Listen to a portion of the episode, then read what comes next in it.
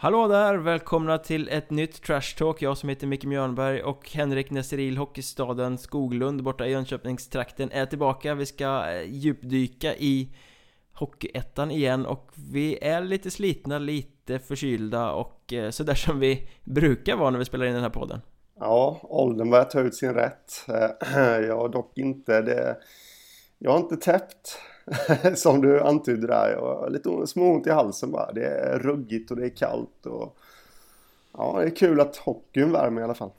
Ja, en annan har varit ute och jagat Stockholm runt nu på morgonen och lämnat bil på service och barn på BVC och förskola och allt vad det nu har varit eh, i minusgrader i kolmörker med ett synnerligen icke-muntert morgonhumör men nu ska vi snacka Hockeyettan så nu börjar det faktiskt ordna upp sig lite Ja, det ska bli skönt faktiskt eh, Få tankarna på annat än det här vedervärdiga vädret som härjar.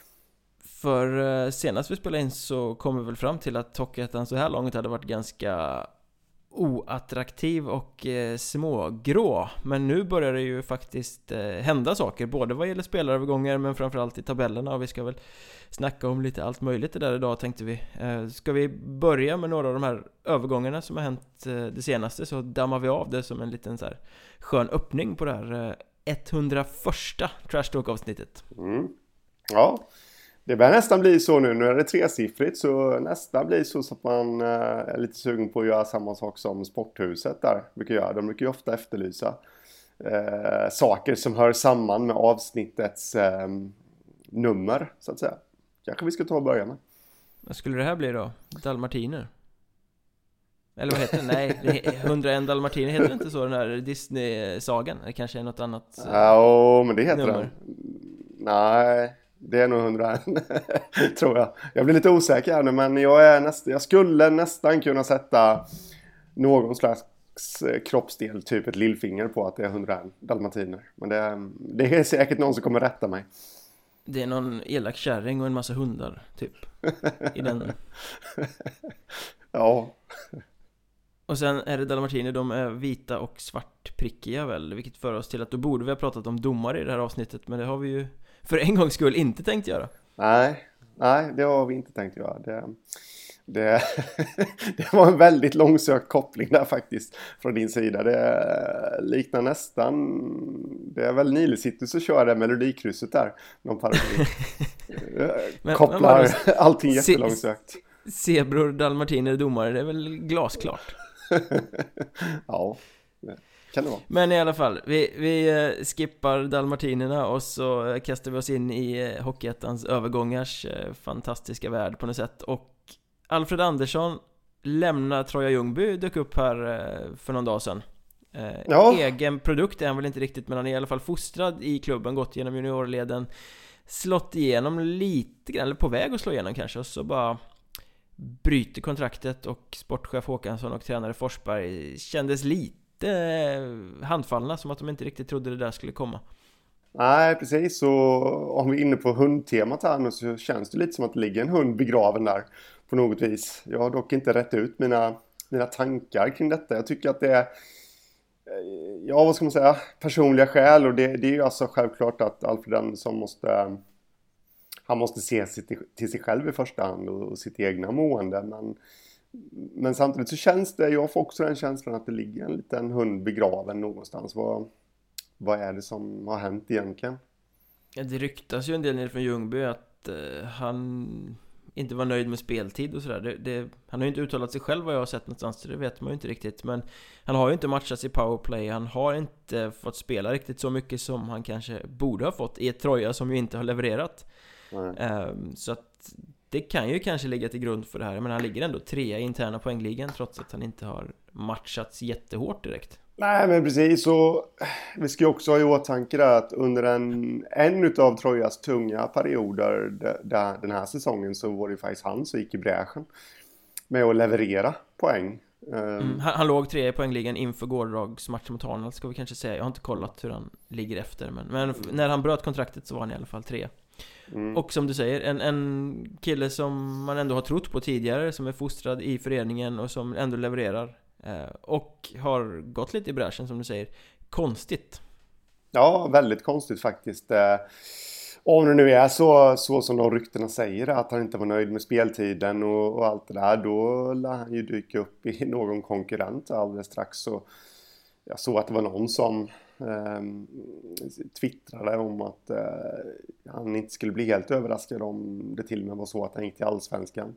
För jag tycker att han har de kvaliteterna faktiskt. Lite valpig fortfarande kanske, men på sikt absolut. Sen är det ju så att är det någonting det lider brist på i Hockeyettan så är det ju skickliga backar och eh, duktiga centrar.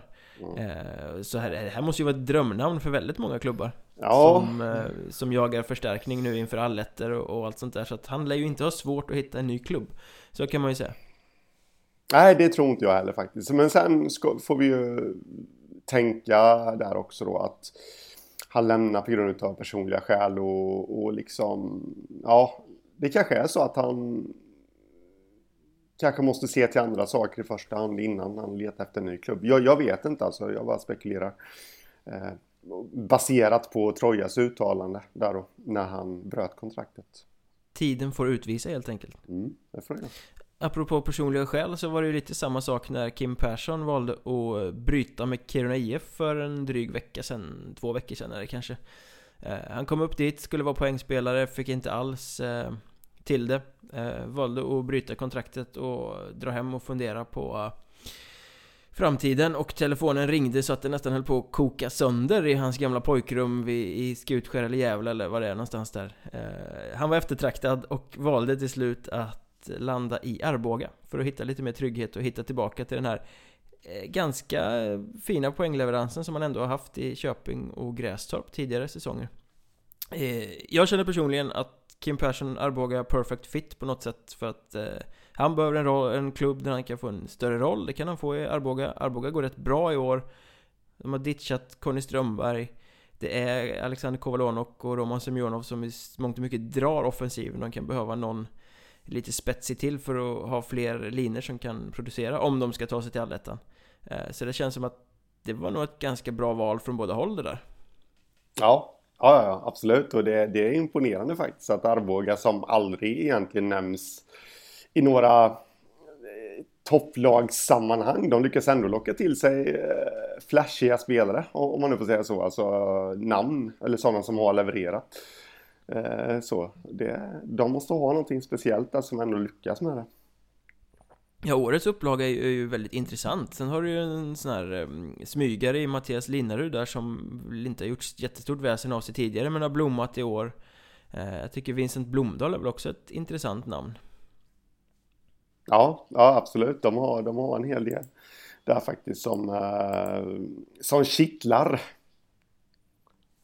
Och seriekollegan Skövde landade ju också ett eh, flashigt namn häromdagen då när de plockade in eh, Adam Tillander som blev dumpad av Almtuna eh, Studsade ner till Falköping i division 3 Gjorde 8 poäng på fyra matcher eller vad det var eh, Bara dundrade in och nu har då gjort klart med moderklubben eh, Superviktig eh, värvning för ett kräftgående Skövde säger jag Ja, absolut. Han eh, lirade ju... Det var väl i Kanada han spelade förra säsongen, va? Juniorhockey. Någon juniorliga av något slag. Ja, och var väl till och med... Nu kan jag ha fel här med årtalen, men var det inte förra året han dessutom spelade någon juniorlandskamp också? Han har ju funnits med. Där så, så han har ju liksom... Eh, han har ju potential, om man säger så. Eh, och jag vet inte, var det verkligen så att det var Almtuna som dumpade honom? Var det inte han som bröt kontraktet själv? Om... Det heter väl lite eh, olika, tror jag. Eh, ja. Men jag vet att de var inte nöjda i Almtuna. Han, eh, han var en säkerhetsrisk bakåt i Hockeyallsvenskan. Eh, som jag har förstått det när jag har pratat med folk eh, kring det där laget. Och det kanske var så att han ung talang ville upp, spela lite över sin förmåga och då blir det ju inte riktigt bra heller. Så att jag tror att det kan vara skitbra för honom att backa ett steg. Kommer hem, spelar Hockeyettan, moderklubben hemma, får mycket, mycket eh, istid i ett Skövde som bara liksom har en backsida som bara behöver hans eh, eh typ av offensivt eh, skicklig back för dem. Al Albin Lindgren stack i somras Oskar Niklasson la av på grund av eh, hjärnskakningar Johan Wiklund försvann för att han hade någon sån här grej där han inte kan syresätta sig ordentligt och inte kunde träna och spela deras backsida är ju väldigt svag och här mm. kommer ju Tillander få spela jättemycket Jag tror det kan vara supernyttigt för honom att komma in och få den lite, lite nystart där Även om Skövde kommer bomma allettan och spela rätt bedrövligt i, i västra serien Så ändå På sikt kan det ju där också bli bra för båda Ja, ja, ja absolut. Och det är, i den här åldern, han är 20. Och det, han, alltså han har ju fått en utbildning som, som heter duga liksom i Skellefteå. Eh, och dessutom har varit över i Nordamerika och, och kört juniorhockey där i två säsonger tror jag att det är. Eh, och liksom, eh, han, han, har ju den, han har ju kunskaperna, han har alla verktygen. Nu handlar det bara om att han ska få spela mycket och precis som du säger då, den speltiden kommer han få i Skövde. Definitivt. Får vi hoppas, för det skulle vara väldigt skumt om han kommer här som sjunde back liksom. Det lär ju inte hända. Nej men då, då är det ju bara att lägga ner karriären. Tar, tar man inte en topptröja i den backbesättningen så. Men det största namnet, det största namnet, det är väl ändå eh, William Petrus till eh, Kristianstad. Snyggt namn, om ett annat. Ja, det är klädsamt eh, måste jag säga. Så här i juletid också. Ju... ja. snart juletid. Jag tar ut det lite i förskott men glöggsäsongen har ju börjat i alla fall. Jaha, ja. Du är sån som gillar glögg där. Um, ja, nej men det tycker jag. Han, känns intressant. Um, också, eh, Tillander är ju från Skövde från början och Petrus är ju från Mariestad. Det känns som back backarna eller spelarna överlag ifrån Västergötland har fått en liten boost. Det är Rasmus Dahlin och det är Tobias Ekberg i Malmö från Töreboda och det är Petrus och det är Tillander. Det ska vara mm. intressant att veta vad de gjorde där. Men eh, han har potential i sig i alla fall, Petrus. Och eh, måste säga, spelade väl i Mariestad förra säsongen utlånad från Panten och dunkade in 25 poäng på eh, 30 matcher. Ja, något sånt. Han var ju väldigt bra i Mariestad förra året. Mm. Rörlig, bra blick för spelet, eh, hittar liksom passningarna. Eh, så jag, är nästan lite förvånad att han inte kommer till sin rätt i Allsvenskan med panten. För det här är nu andra säsongen i rad som han försöker slå sig in i Allsvenskan hos dem. Eh, och det slutar med att han skickas ner i ettan. Mm. Ja, det, det kan vara så vissa Även fast man har potential liksom så blir det inte en perfect match i, i alla klubbar heller. Faktiskt. Även om Panten har gjort sig kända för att vidareutveckla sådana här spelare som, som Petrus är liksom. Ehm, så ja, är det inte alltid att det funkar ändå. Jag tror ju att eh, Kristianstad är i skriande behov också av den här offensiva backen. Jag menar eh, Rasmus Rundgren var tvungen att lägga av på grund av hjärnskakningar. Elias Edström drog tillbaka till Troja tidigt. Eh, de har inte riktigt fyllt den där luckan. Eh, och det här är ju i stort sett ett så här bra namn hittar de ju inte på marknaden eh, Som är bättre än Petrus. Så att eh, det här är klockrent av Kristianstad att plocka in honom nu. Ja, absolut. Eh, det ska bli väldigt intressant att se honom. Han också. Och innan vi stänger eh, övergångsboken här så måste man kanske nämna ett litet ord om Mörrum också eh, tunga bakslag. De tappade Daniel Claremont, kanadensaren, tidigare under säsongen och så nu i veckan som gick så drog både Sonny Karlsson och Thomas Rubes därifrån. Det är ju för fan en hel spetskedja som har lämnat under höstens gång. Plus då ja. att de har eh, förste keepern Hampus Alexandersson borta på obestämd tid med hjärnskakningssymptom. Eh, så Mörrum har det bistert kan man ju säga. Mm, ja, det har de faktiskt. Och det är, de, jag tycker de har gjort bra eh, hittills under säsongen för att vara nykomlingar och... Ja, och reaktionen på att de här spelarna, Sonny Karlsson och Thomas Rubens, drog var ju att de åkte och smällde, det var kanske var hemmamatch i och för sig, men de smällde dit eh, allettan-jagande Håsendalen med 5-1, så där bara bang! Ja. Nej, de, de har verkligen gjort det bra och det... Eh, vad, vad ska man säga? Som du sa, de smällde till Åsedalen. Eh, de här tappen gör väl kanske inte så mycket i en eller två eller tre matcher men frågan är ju hur det kommer arta sig sen när, när, det har gått lite längre tid. Om man säger så. För det är som mm. du säger, det är toppspelare. Och det är ju tungt såhär med en kille som Tjeckien där och Rubes, eller hur det nu ska uttalas, som liksom har frun med sig och hon trivs inte i Mörrum eller Karlshamn eller vad de nu bodde. Eh, Och det blir en negativ spiral och till slut så måste han dra någonstans för att det inte funkar socialt. Eh, mm. Det var ju en kille som de annars hade kunnat få ut ganska mycket av. Eh, Nu drog han väl till tyska tredje ligan tror jag. Eh, Något ställe som ligger rätt nära tjeckiska gränsen så att Frugan kan sitta hemma, vi... man kan pendla fram och tillbaka Blue Devils Weiden Nej, ett bra namn, bra namn Ja, mycket bra namn ja. Det är alldeles för lite häftiga namn i svensk hockey Ja då, det... Men Mörrum fick ju i alla fall, eh, varför heter de inte Mörrum Salmons förresten? Ja, det skulle de. Det får du ta frågan om klubbrepresentant. Jag ska göra det. De tog in Rasmus Rosenqvist nu i alla fall, eh, som lämnade Helsingborg. Eh, och eh, läser man mellan raderna på det tränare Tim Brithén sa där så var det väl att han hade dåliga rådgivare och kanske inte orkade lägga ner det där riktiga jobbet för att ta tillbaka en plats i truppen. Mm. Så jag tolkade hans uttalanden. Men då kanske det passar att komma in i Mörrum och få lite mer Eh, större roll direkt då i och med att det finns många luckor att fylla. Ja, ja absolut. Det, det kan nog vara bra för honom faktiskt. Men låt oss då kasta oss vidare lite i dagens digra körschema. Jag har en liten punkt här eh, på min fusklapp som eh, lyder Farmarligan. Vad känner du spontant över det insticket? Jag blev så till mig här nu så jag satt i mitt egna saliv i halsen. Var det eh, ilskan som började bubbla upp där liksom? ja, men det var väl lite ilskan emot eh, allt hycklande som jag tycker försiggår. Eh, hycklande, det var ett jävla bra ord för det hela. Jo, men det är det. Dubbelmoral och hycklande. Det, jag tänker väl Hockeyettan. För svensk hockeys bästa. Ja, precis. Och jag tänker ju att Hockeyettan är allsvenskans farmarliga. Men eh, Hockeyallsvenskan vill ju absolut inte vara farmarliga åt SHL. Vilket de självklart inte ska vara heller, men... Eh, Nej, Hockeyallsvenskan ska vara farmarliga till SHL precis lika lite som Hockeyettan ska vara farmarliga till Hockeyallsvenskan. Mm. Eh, men det är ju så det ser ut nu, tyvärr. Ja, det gör det. Det senaste exemplet på det eh, är ju exempelvis då Robin Wallin som lånats in till AIK här nu från Väsby då. Ehm, där jag är lite kluven faktiskt. till det här hur, man ska agera. Väsby hade ju årets match hemma i stort sett. Eh, men då skulle han sitta på bänken med AIK eh, på grund av att Johannes Jönsson hade blivit skadad. Så han skulle backa upp Erik Källgren där i Hockeyallsvenskan istället. Ja, och det här är ju ett väldigt eh, sjukt exempel För som du säger, Johannes Jönsson gick sönder AIK skulle möta Panten borta Eh, Väsby, där Valin har gjort eh, succé den här hösten Skulle möta Hudiksvall hemma Liksom den första riktiga häftiga eh, hemmamatchen på år och dagar.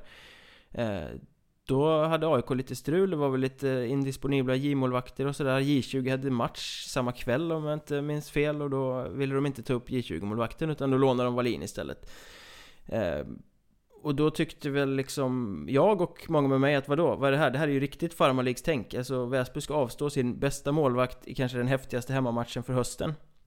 För att AIK behöver en backup. Det är ju sinnessjukt. Eh, hade lite utbyte med Tom Ternström i Väsby som, eh, sportchefen där alltså, som eh, tyckte att nej, men det här visar ju våra spelare att Allsvenskan inte är så långt bort och Wallin får en boost av att vara med där och han kommer tillbaka och var en bättre målvakt och han är ju tillbaka till nästa match igen och sådär. Men vad händer nu i veckan då? Jo, nu hade ju J20 AIK match samtidigt som A-laget igen, samtidigt som Väsby då skulle åka till Nyköping och möta Gripen. Ja men då är Wallin med till Tingsryd, sitter på bänken i AIK samtidigt som Väsby spelar mot Gripen. Så det är två matcher nu på en vecka. Där det har varit samma sak. Och, mm. och då blir det liksom Väsby hamnar ju bara i en farmarliga Eh, position här. Okej okay, att man lånar ut eh, spelare om man är matchledig, men att man lånar ut spelare när man själv ska spela match, det tycker jag blir sjukt. Det här är bara ett exempel, ett specifikt fall och det är skitkul för Wallin att få testa Allsvenskan och allt det där, men det säger ju allting om systemet. Hur Hockeyallsvenskan tycker att de kan eh, komma och peka och plocka och ta från Hockeyettan precis som de vill. För det har ju hänt förra säsongen hur många gånger som helst. Fler gånger den här säsongen också att man, nej men nu behöver vi spelare, vi lånar. Vi lyfter inte upp en egen junior. Utan nej. vi lånar någon från Hockeyettan istället. Mm. Vad fan ska man då med juniorlag till? Det är fan Hockeyallsvenskan som är hockeymördare, inte SHL. ja, där slår allt huvudet på spiken eh, måste jag säga. Och jag tror att det har, har varit, är och har varit under den här säsongen eh, 25 spelare från Hockeyallsvenskan som har varit nere i Hockeyettan.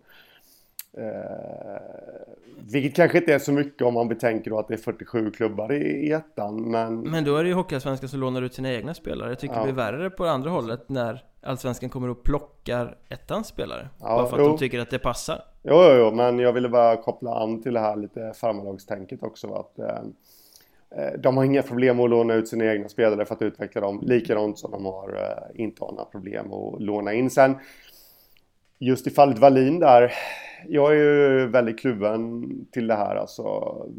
Vi vet ju inte hur hans kontrakt ser ut exempelvis. Han kan ju ha en klausul som, möjliggör för det här. Det, det, vet vi inte, men eh, jag tycker också att det är lite konstigt. Men det är ju lån det handlar om. Liksom. Mm. Jo, men det, det, kan säkert stå i deras kontrakt också. Att de ska få bli utlånade. Jag vet inte. Vilket men... ju bara understryker att ettan är en tragisk farmarliga i så fall. Mm. Samtidigt så är ju inte ettan i den positionen att de ska, eller ska, att de kanske kan hindra sina spelare från att testa, testa på högre nivå för att... Nej, så är det ju. Det är ju typ bara mm. fem klubbar eller någonting som kan skriva fast spelarna. Alla andra sitter ju liksom i knät på Hockeyallsvenskan och det är det som är så synd. Liksom, vad, händer, vad, vad, händer liksom ifall ryktet börjar gå att ja, men den här klubben, de, de släpper inte spelarna? Eh, ifall de får... Jag tror att det är rätt viktigt för spelarna att kunna ha en sån möjlighet också. Det, det, kan man ju tycka vad man vill om men eh, jag får för mig att det är rätt viktigt. Eh, faktiskt. Och eh, så jag tror att ettanklubbarna är nog lite bakbundna. Eller jag, Extre jag vet. Extremt bakbundna, ja. det är de ju. David faktiskt. Och, och det är det lite, jag vill inte komma åt någon specifik klubb eller något. Jag vill komma åt fenomenet, systemet. Att allting är konstruerat så att ettanklubbarna har inget val när Hockeyallsvenska klubbarna kommer och pekar. Vi vill ha er skickliga spelare nu. Titta ja. på Lindlöven förra året eh, Då var AIK också där och petade eh, När det roliga skulle börja, de var grymma innan jul, sen kom allettan, då bara Poff så försvann Fornell och så försvann David Berg och liksom mm. Hej hej, nu behövs de här i Allsvenskan, nu kommer vi att ta dem Ja precis Ja men det, det var ju lite likadant eh, Dan Pettersson exempelvis här då inför säsongen Han skulle ju bli Södertäljes eh, ja, kanske inte första center men i alla fall en väldigt viktig center för Södertälje och Linköping snodde honom. Eh, sent in i juli va? Ja, väldigt sent. Eh, och då var det ju kacklas direkt om eh, hockeymördare då. Från många. Det var inte bara Södertälje-supportrar. Det var många som sa det att SHL de var hockeymördare. De, de gjorde lite som de ville och alltihopa. Men ja, de allsvenska klubbarna gör ju likadant så på så sätt förstår jag faktiskt inte varför de skriker. Och... Nej men det, det är ju det vi pratar om hyckleri, alltså Hockeyallsvenskan är så jävla känsliga när SHL kommer ner eh, och ska ta spelare och ska låna in och ut spelare och liksom det förstör ligan Men de själva rånar ju Hockeyettan mycket värre än vad SHL någonsin ja. gör med, med Hockeyallsvenskan så att det är ju liksom en det är de största hycklarna av alla, det är liksom en varg i fårakläder på något sätt Tar på sig ja. offerkoftan men slaktar med andra handen det är liksom, jag säger det, Hockeyallsvenskan hockeymördare, det är det, det som folk ska stå och skrika på arenorna liksom.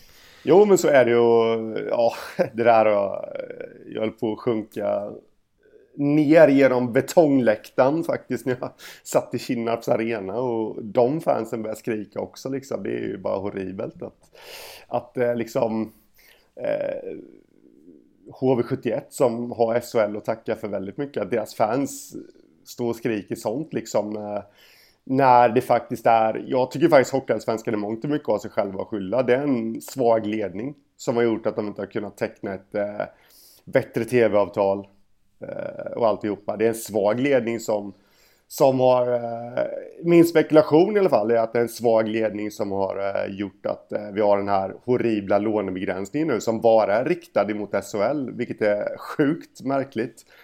Jag, jag är i och för sig för lånebegränsningen på det sättet att jag gillar när folk har stabila trupper och att det inte blir en massa hattande in och ut och korttidslån och sådär Men det är ju självklart att tar man det mot SHL så ska det ju vara neråt också det, det ska ja, ju vara samma ja, genom hela systemet.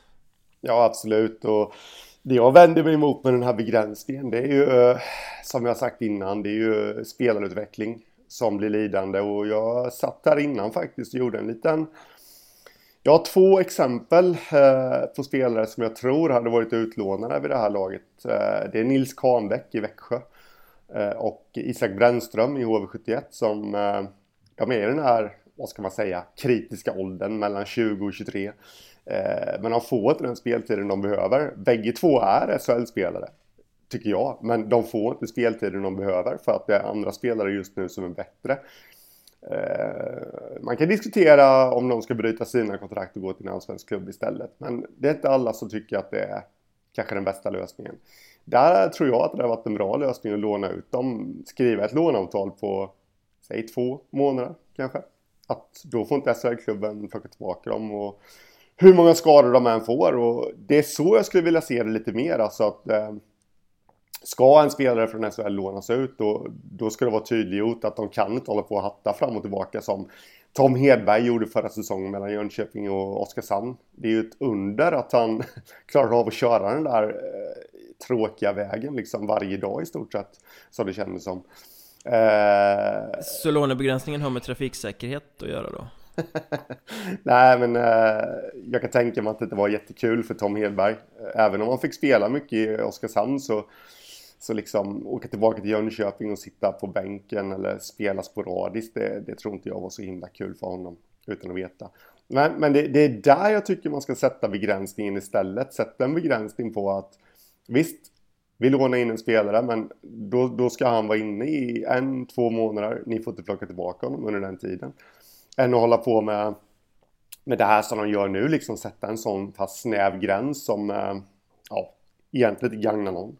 Nej, ja, det gagnar absolut inte Hockeyettan för det har ju blivit så också att SHL-lagen lånar från Hockeyettan eh, Arboga åkte ju på det också Malmö lånade eh, Albin Johansson och William Kaiser där när Arboga hade match Och sådär liksom, så det blir ju man hoppar över ett steg i kedjan bara Och lånen ja. fortsätter eh, ja. Och i slutändan så är det ju ligan Hockeyettan som drabbas hårdast Ja, men så är det. Jag brukar dra ett exempel här om vi tar Robin Wallin och fortsätter på den Så tyckte ju många att, nej men vadå, AIK behöver ju en målvakt Det är väl inte så konstigt att de eh, lånar honom från Väsby Trots att Väsby har match. Det är väl inget konstigt. Men eh, om man liksom sätter det på andra hållet Det är ju exakt samma sak i och med att Väsby spelar mot Hudiksvall. Som om Johannes Jönsson skulle varit hel eh, AIK ska spela häftig match mot Leksand på Hovet Men HV behöver en andra målvakt och låna Jönsson i den matchen. Mm. Vad skulle, blivit... vad, skulle, vad skulle, folk säga då? Det skulle vara ramaskri, Twitter skulle liksom koka över fullständigt och det skulle springa råttor och riva hovet liksom eh, Men när man gör det från ettan och en liten klubb som Väsby, då är det plötsligt okej okay. Och sportchefen där måste stå och låtsas som att det här är bra för våra spelare Ah, trött på det blev mm, Ja, man blir väldigt irriterad och eh, jag vill fortsätta lite här. Jag sa ju det, svag ledning i Allsvenskan. Eh, jag vill säga det att jag eh, gillar Hockeyallsvenskan. Jag gillar att kolla, alltså jag älskar att kolla på matcher i Hockeyallsvenskan. Jag har ingenting emot liksom på så sätt. Men det jag tror hände förra säsongen. Det var det här att det har inte varit så jättemycket diskussion om det här med lån tidigare år. Men förra säsongen så ballade det ur. Det håller jag med om. Det ballade ur fullständigt. Och Tanten och Oskarshamn framförallt skickade spelare kors och tvärs och lånade in och hade sig alltihopa. Och de gick bra dessutom, de, de klubbarna låg med i toppen väldigt länge och eh, då, då tror jag att det som hände då det var att då, då, sitter det fans till de här lite mera klassiska klubbarna, alltså de som vann SM-guld för 30 år sedan ungefär. Som fortfarande och, lever på det? Ja, ungefär och har varit i SHL och, och sådär. Och, som kanske inte är storklubbar, men de, de, de har ändå stor klubbs... Eh, Självbild? Eh, ja, precis. Och på något sätt så tycker väl en annan det med, liksom att de, de är lite storklubbar på allsvensk nivå. Eh, men då sitter de här fansen och, och liksom protesterar mot detta. Där tror jag att klubbarna blev väldigt oroliga. De här så kallade storklubbarna, som inte levde på lån dessutom. Eh, utan de klarade sig själva. Där blev de lite oroliga.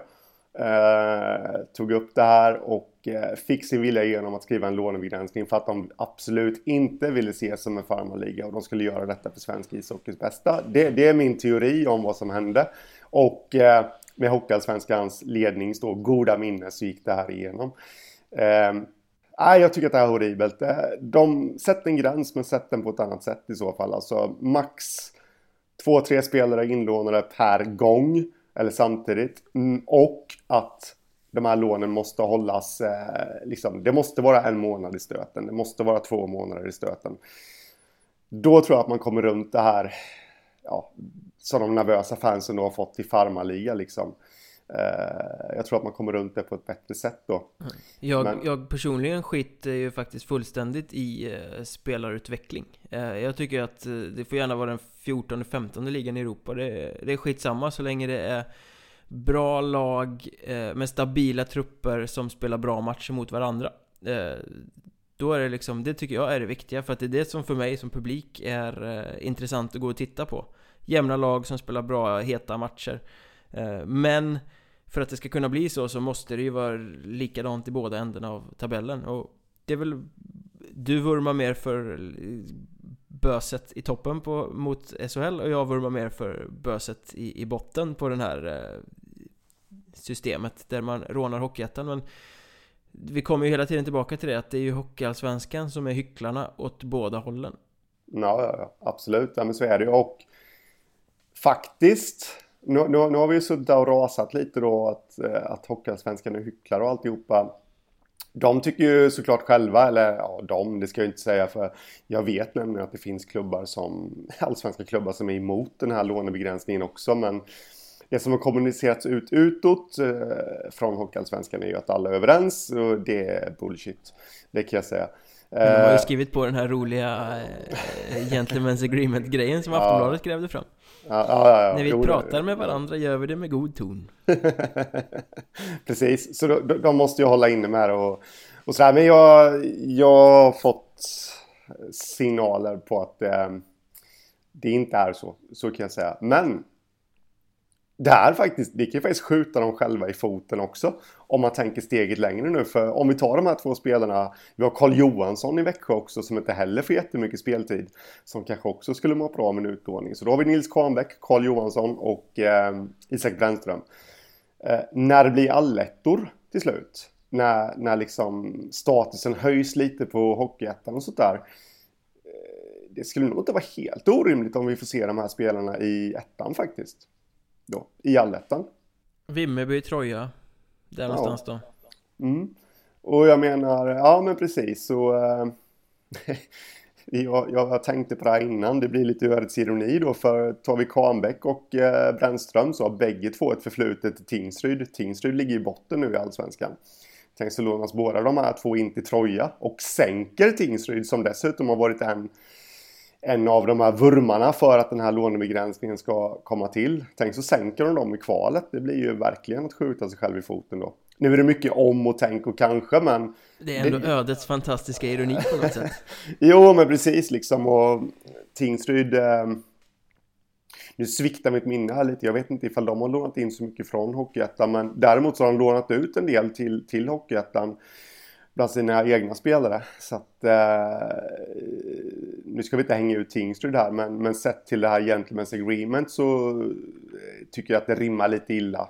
Eller ja, Gentlemen's Agreement, men, men det här med lånebegränsning då. Dock inte för att hänga ut Tingsryd, men jag bara tog dem som ett exempel här. Um, för att det skulle mycket väl kunna bli så. Jag, jag tror inte att det skulle skada Brännström och Kahnbäcks karriärer nämnvärt om de spelade två månader i allettan liksom. Med, med, det är faktiskt väldigt bra kvalitet. Och det funkar ju som en grymt bra övergång till eh, det vi ska viga en liten stund nu i slutet av podden åt, nämligen snacka allettorna, det som väntar för att eh, några lag är redan klara, andra streckstrider pågår, några tippade topplag är, är rätt illa ute, skulle man kunna säga faktiskt. Eh, Hudiksvall och Borlänge, de var klara redan med sex omgångar kvar Säkrade de de där eh, platserna i allettan, båda kommer hamna i norra eh, Ska vi lyfta den här frågan som kommer varje år, som vi sitter och eh, följer intresserat Är det bra eller är det dåligt att bli färdig så här långt i förväg? För nu är det ändå ja, lite drygt en månad innan allettan drar igång Som de faktiskt blir färdiga uh man, man, kan vända och vrida lite på det där men jag, jag, jag hittar nog bara positiva delar ändå. Eh, du kan, du behöver inte matcha ditt lag sönder och samman Eh, för att jaga ända in på mållinjen. Du, du, kan vila en viktig spelare om man har någon skadekänning. Eh, du kan träna hårt för att få resultat eh, senare. Nu är det i och för sig extremt tidigt så de kanske inte ens känner behov av att börja träna hårt redan nu. Men eh, sen har vi ett uppehåll i och för sig innan allettan drar igång också. Så jag, jag är lite kluven men jag, jag, kan inte se något negativt med det ändå. Ibland kan det ju hända att lag som eh, blir klara tidigt går ner lite och sen har svårt att sparka igång igen eh, Kan det ju bli. Men det tycker jag bara är ett, ett tecken på att laget inte är tillräckligt bra. Ja, alla, alla gånger man har sett det här lag som blir klara tidigt i allettan Och sen liksom inte klarar av det, det är för att laget inte är tillräckligt bra. De som är tillräckligt bra, de som är tillräckligt mentalt förberedda De kommer igång och det är också de lagen som sen eh, tar sig vidare till playoff och eh, kvalserier och sånt liksom långt framme på säsongen. Så att jag tror inte att det behöver vara en nackdel. Jag tror att både Borlänge och Hudiksvall, om vi tar dem som exempel, som klarar här nu då, är ju tillräckligt bra för att kunna hantera det här eh, grymt. Eh, ja. Hudiksvall kanske inte kan slå av på takten, för de har 17 raka nu. De går ju för att vara obesegrade genom hela grundserien. Eh, fem matcher kvar liksom. ja, ja, ja, absolut. Och det, det gäller ju att sätta de där morötterna då. Att ja, visst, nu, nu är vi klara, men i Hudiksvalls fall liksom eh, vara obesegrade. I Borlänges fall så handlar det ju om att eh, hålla sin förlustnolla efter 60 minuter intakt. Alltså det är ju sådana mm. morötter man får jaga också liksom och sätta upp sådana mål. Eh, bägge gängen eh, har ju, eller Borlänge har ju jag tror 26 poäng. Eller 26 poäng. 26 mål ifrån att eh, nå 100 liksom. Det skulle ju vara en liten milstolpe. Kanske hålla ner, släppa in under 30 mål.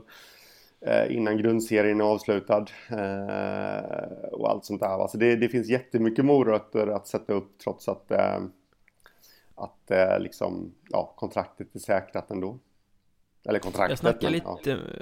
Ja, jag snackade lite med Dennis Hall, tränaren i Borlänge där, och frågade om det här liksom, är ni klara nu? Liksom, kommer det innebära att ni gör den här klassiska och tränar ner er som as liksom för att formtoppa senare? För det gör ju lag oftast. Man hör liksom så här, men nu är vi klara, nu lägger vi om träningen och satsar på det som ska komma sen för att vi ska komma så väl förberedda och vara så bra som möjligt i vår sen. Eh, och han hade en rätt intressant take på det där, får jag säga, för han sa att min erfarenhet av den typen av träning är bara att det blir Nej, fan vad tråkigt att komma och träna och att han liksom inte trodde på att man kan formtoppa 22 individer på samma sätt. Eh, så att hans budskap var snarare att ja, men vi har kört på, vi har satt något från början, det här ska vi göra, vi kommer rulla på med det och vi ser till att träna bra från första början så behöver vi inte gå ner i gruvan på det här sättet. Eh, så att mm. Borlänge kommer inte göra det. Det här klassiska träna ner sig nu för att vara bra sen. Mm. Ja, det är intressant faktiskt. Måste jag säga. Och då tror man ju på sin idé också. Ja, Hall känns väldigt vettig faktiskt. Han är ung, det är bara hans andra år som eh, huvudtränare. Men han känns väldigt självklar i det han gör. När man pratar med många andra rutinerade tränare så är det liksom Man får liksom tvätta öronen sen efteråt för att det haglar så mycket floskler under telefonsamtalet. Eh, men med Hall så är det liksom, han känns, eh, han känns som att han vet vad han pysslar med och Samtidigt så har ju Borlänge gjort väldigt mycket resultat nu också den här säsongen får man ju säga. Ja, ja absolut. Så då, de behöver inte vara oroliga. Det är bara att hoppas att de vet vad de gör med, med och det, det tror jag att de gör också. Men, men just det här med att eh, eh, de inte kommer lägga in någon extra hård träning så att säga. För det är jag fullständigt övertygad om att det behöver man inte göra heller. Bara man underhåller det här konditionen måste ju vara med så att säga. Eh, bara man underhåller det på ett bra sätt så tror jag absolut det kan bli skitbra. Och just det här att det gäller att det ska vara roligt också. Vi ska inte bara grisa för att, utan det, ska, det måste ju finnas en lustkänsla i det också. Det, ett lag som inte har lustkänslan går ju oftast inte hela vägen. Nej, nej precis. Man, man måste brinna för det.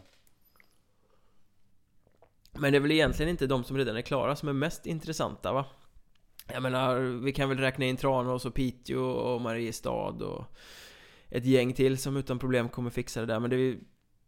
Ja, streckstriderna är ju faktiskt ganska heta i alla fyra serierna Får man säga. Mm. De här eh, striden om de sista allettan-platserna Om vi kollar, ska vi kolla på norra kan vi göra eh, Det är den mäckigaste att analysera eftersom de har spelat ojämnt antal matcher och så vidare eh, men det känns väl som att Örnsköldsvik, Conny Strömberg tills trots nog är ganska avhängda nu va?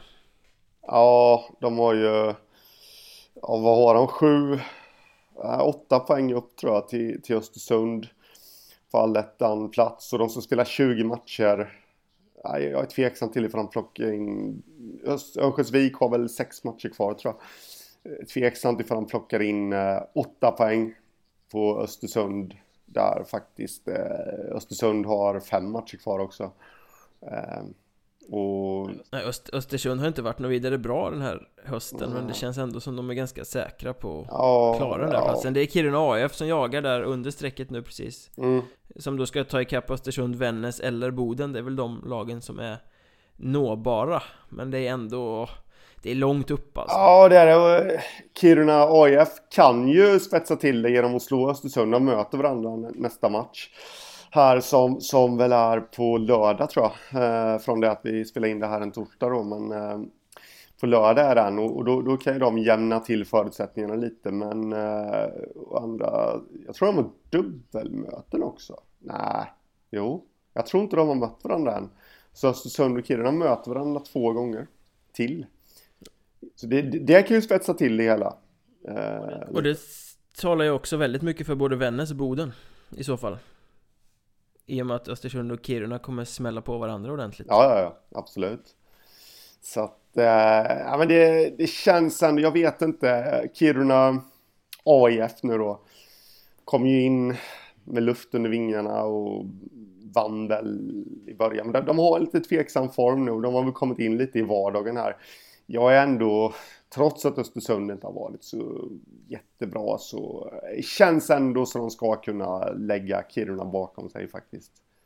Ja, jag har samma känsla faktiskt. Det, det blir nog så. Och det är nog kanske bra för Kiruna AIF att inte kasta sig in i allettan sin första säsong tillbaka i Hockeyettan heller. Utan att eh, få spela fortsättningsserie, få lite mer derby mot Kiruna IF som har varit ganska svaga den här hösten liksom odla, odla rivaliteten lite mer i en fortsättningsserie. Jag tror att båda klubbarna tjänar på det faktiskt. Ja, ja, absolut. Östra då, där är det eh, lite tuffare kan man säga. Vi räknar väl in Hudiksvall och Huddinge, det ska väl inte vara några konstigheter. Hudiksvall är redan klara, Huddinge lär bli det. Eh, sen har vi Väsby, de tycker väl att de är klara eftersom de kan låna ut sin målvakt. Eh, sen är en, Enköping och Visby på rätt sida strecket nu, sen Segeltorp som jagar precis under och eh, Vallentuna har väl blandat i sig lite i den där striden ändå. Uh, ja du, hur ska man säga detta faktiskt? Segeltorp har ju definitivt talangen i sitt lag för, för att kunna spela i allettan. Uh, Frågan där är väl snarare, orkar det laget spela i allettan sen? Ja, kommer det... spelarna vara tillräckligt intresserade för att åka på de här långa resorna som det kommer bli söderöver i landet? Om de tar sig Jag vill inte säga det själv Det var bra att du sa det uh, Med tanke på diskussionen vi har haft innan där Om deras, ja, hur de tränar och sånt där då. Ja, de har ju haft lite manfall på träningar och så under hösten också Tränat mm. med korta manskap och sådär mm. Ja, jag vet inte, jag, jag har ingen riktig... Det känns ändå som att de fem som ligger på allettan-platserna nu skulle kunna greja det liksom. Ändå. Ja, det känns väl som att Väsby är stabila nog för att göra det. Uh, Visby har ju varit bedrövliga men har ändå tagit poäng och kommit igång lite. Känns som att de också har potentialen att ordna det. Så det är väl liksom Enköping och Segeltorp känner jag som ska slåss om en plats där. Ja, ja det känns lite som det och Enköping har gjort uh, väldigt, väldigt bra här nu. Fast haft lite taskig form på slutet. Ja, men det... Jag, jag, jag har ändå känslan av att de, de, de kommer reda upp det här på något vis. Faktiskt, jag tycker de har överraskat så att säga eh, i positiv bemärkelse och eh, de eh, ja jag hittar inget smart att säga där men de är ändå torskat mot Väsby som ligger före dem i, i tabellen och vad heter det ja, så det... Nej, jag tror inte de ska vara allt för oroliga faktiskt. Du tror Segeltorp bommar alltså? Ja, men jag tror det faktiskt. Det är nykomlingar där med och till stora delar nytt lag. Väldigt stor talang i laget ska vi säga, men äh, ja. Nej, jag vet inte. Jag, jag kan inte motivera det på ett bättre sätt. Det är bara en magkänsla. En sur kaffemagkänsla som dyker upp här nu. De möts. Sumpen, ja, sumpen möts. som bubblar upp i halsen. de möts ju för övrigt här nu om, eh, ja, i början på december. De har några matcher innan det så men det är klart att det, det kan väl spetsa till lite då mellan Enköping och Segeltorp där. Ifall... Viktig match. Ja, det kan man säga. Västra då, där har vi ju en, en Strid som inte går av för hacker direkt. Eh, Köping och Arboga ligger på fjärde femte plats nu. Eh, och har Grums jagande precis under strecket, en match mindre spelad. Den är förvisso mot Borlänge så att där lär de väl åka på däng. Eh, Kumla och Malung, Lindlöven. Ah, det är nog lite för långt bort för att något av de lagen ska nå upp. Eh, Och då är ju Lindlöven en flopp skulle jag säga. Men eh, Köping, Arboga och Grums kör om eh, tre, tre lag om två platser mm. Ja, och den är också helt omöjlig att tippa känner jag liksom eh, Ja, jag vet inte. Nu får du komma in och säga något smart, Björnberg. För jag lyckas inte leverera några klokskaper här idag känner jag på pappret är ju Köping det laget som kanske är bäst och stabilast Men de har ju inte visat det riktigt, haft lite svag form och så på slutet. Eh, Arboga överraskat, har spetsen. Grums har också överraskat, varit väldigt mycket bättre än förväntningarna och gör det riktigt bra.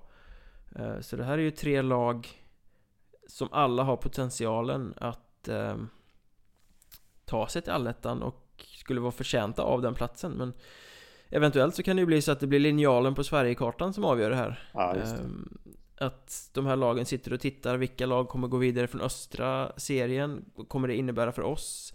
Ehm, för att det ska man ju ha med sig här i, eh, i bakfickan att både Arboga och Grums befinner sig i kontrollår ehm, De måste fixa 200 000 i bokslutet eget kapital eh, fram i vår och då är det ju inte jättebra att hamna i norra serien För eh, det blir det ju 100 papp minst på resor extra Som man måste lägga ut. Eh, Samtidigt som man då ska hämta hem en ekonomi. Så att det är väl inte helt omöjligt att de kommer på där med två omgångar kvar att Fuck, det här är inte bra för oss, vi kommer hamna i norra, vi måste torska. Ja. Tyvärr är ju systemet så sjukt att det kan bli så. Det kan vara en katastrof för sådana små klubbar att behöva spela i norra allettan. Och blir det Segeltorp som tar platsen i östra då blir det ju prekärt där för både Köping och Arboga och även kanske Grums lite Beroende på vart förbundet väljer att lägga linjalen då på kartan I och med att det är geografisk indelning i år helt och hållet mm.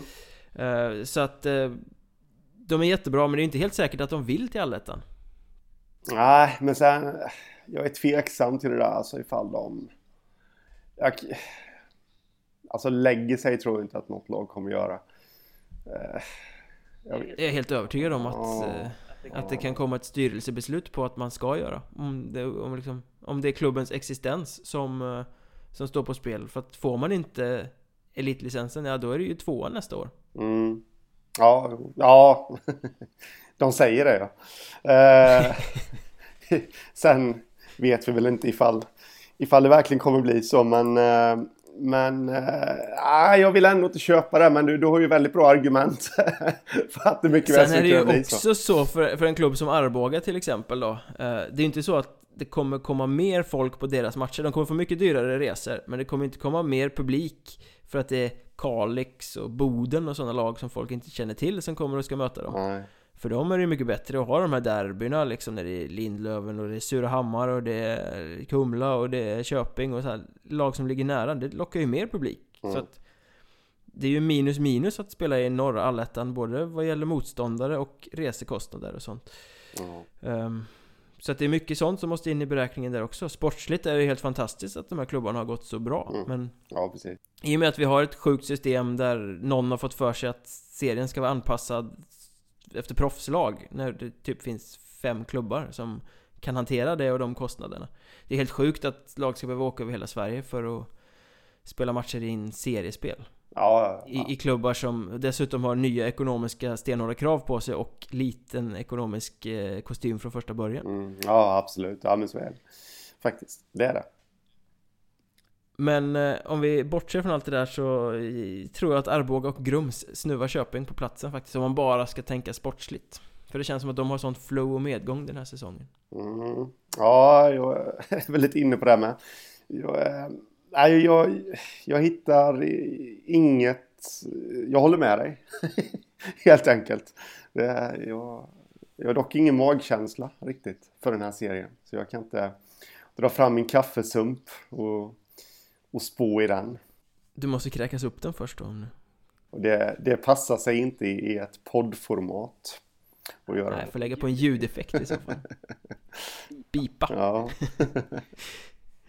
eh, sist då, södra serien, där har vi ju en streckstrid som heter duga får man säga. Troja och Kallinge 33 poäng, Kristianstad 32, Dalen 30, de ligger över strecket. Nybro en match mindre spelad, 29 poäng, Hanals 29 poäng under strecket.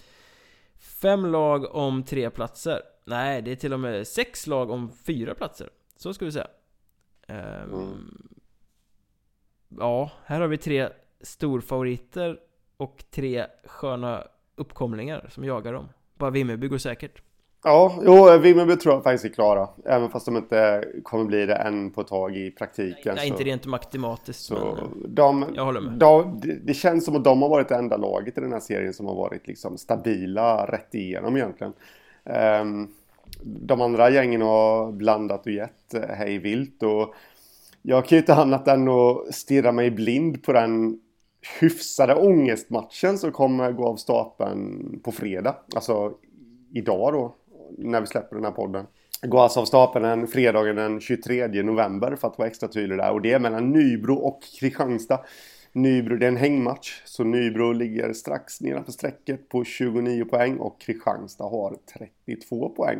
Dessutom har Nybro mycket, mycket bättre målskillnad. Eller mycket, fyra mål. Eh, så att slår de Kristianstad så går de om. De petar dock inte ner Kristianstad nedanför strecket men ändå så går de om. Så att, eh, ja. Det här är... Jag har varit inne på ditt blogginlägg tidigare att jag... Det går inte att tippa den här serien längre. Nej, det här lever hela vägen in i sista omgången. Ja, det tror jag. Helt övertygad. Vi kan säga så här, jag tror att två, tre lag till kommer vara klara. Eh, men sen kommer det kanske vara så här, tre lag om en plats i sista omgången. Så här, man sitter och tittar på två matcher samtidigt och räknar varje mål som faller, har, ja. blir avgörande. Kristianstad har ju fallit i en sån kamp tidigare för ett gäng år sedan.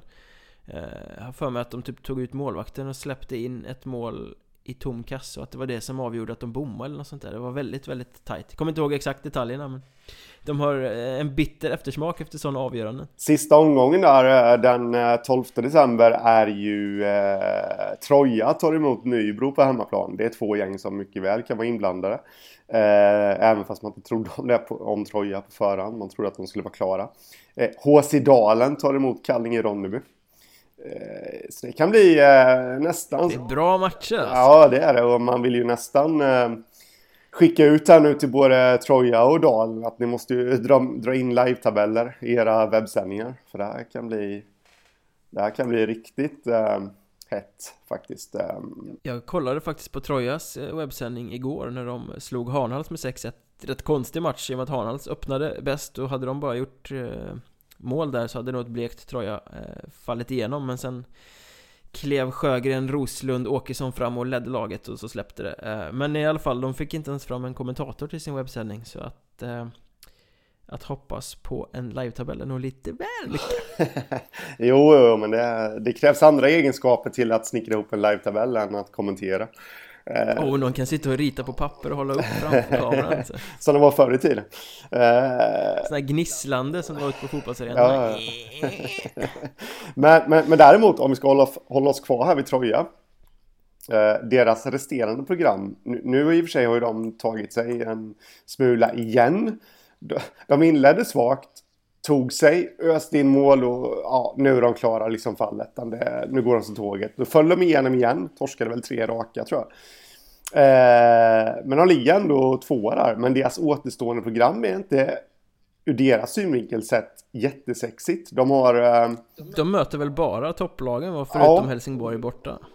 Precis, de har Helsingborg borta med tanke på man tror ju inte att Helsingborg ska kunna hota Troja, men med tanke på hur Trojas säsong har sett ut så jag skulle inte säga att det är säkra tre poäng där.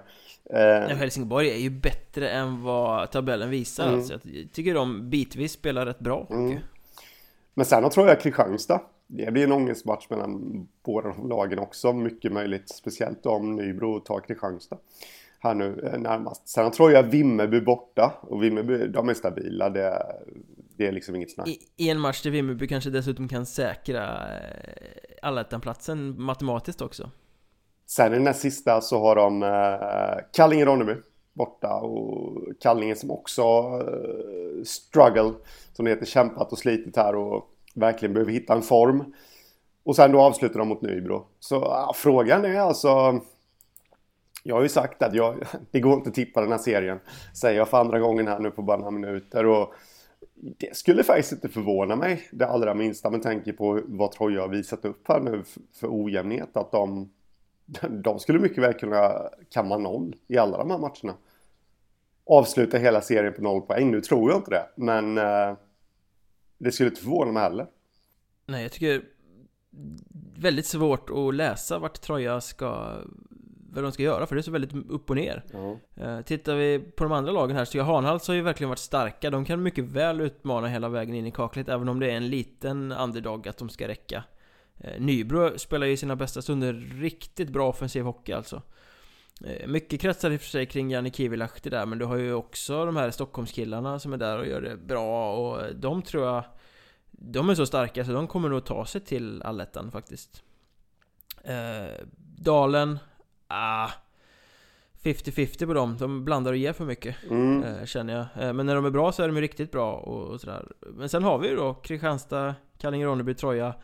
Tre håsade storfavoriter. Eh, De ska ju bara till allettan, allt annat är en tokflopp.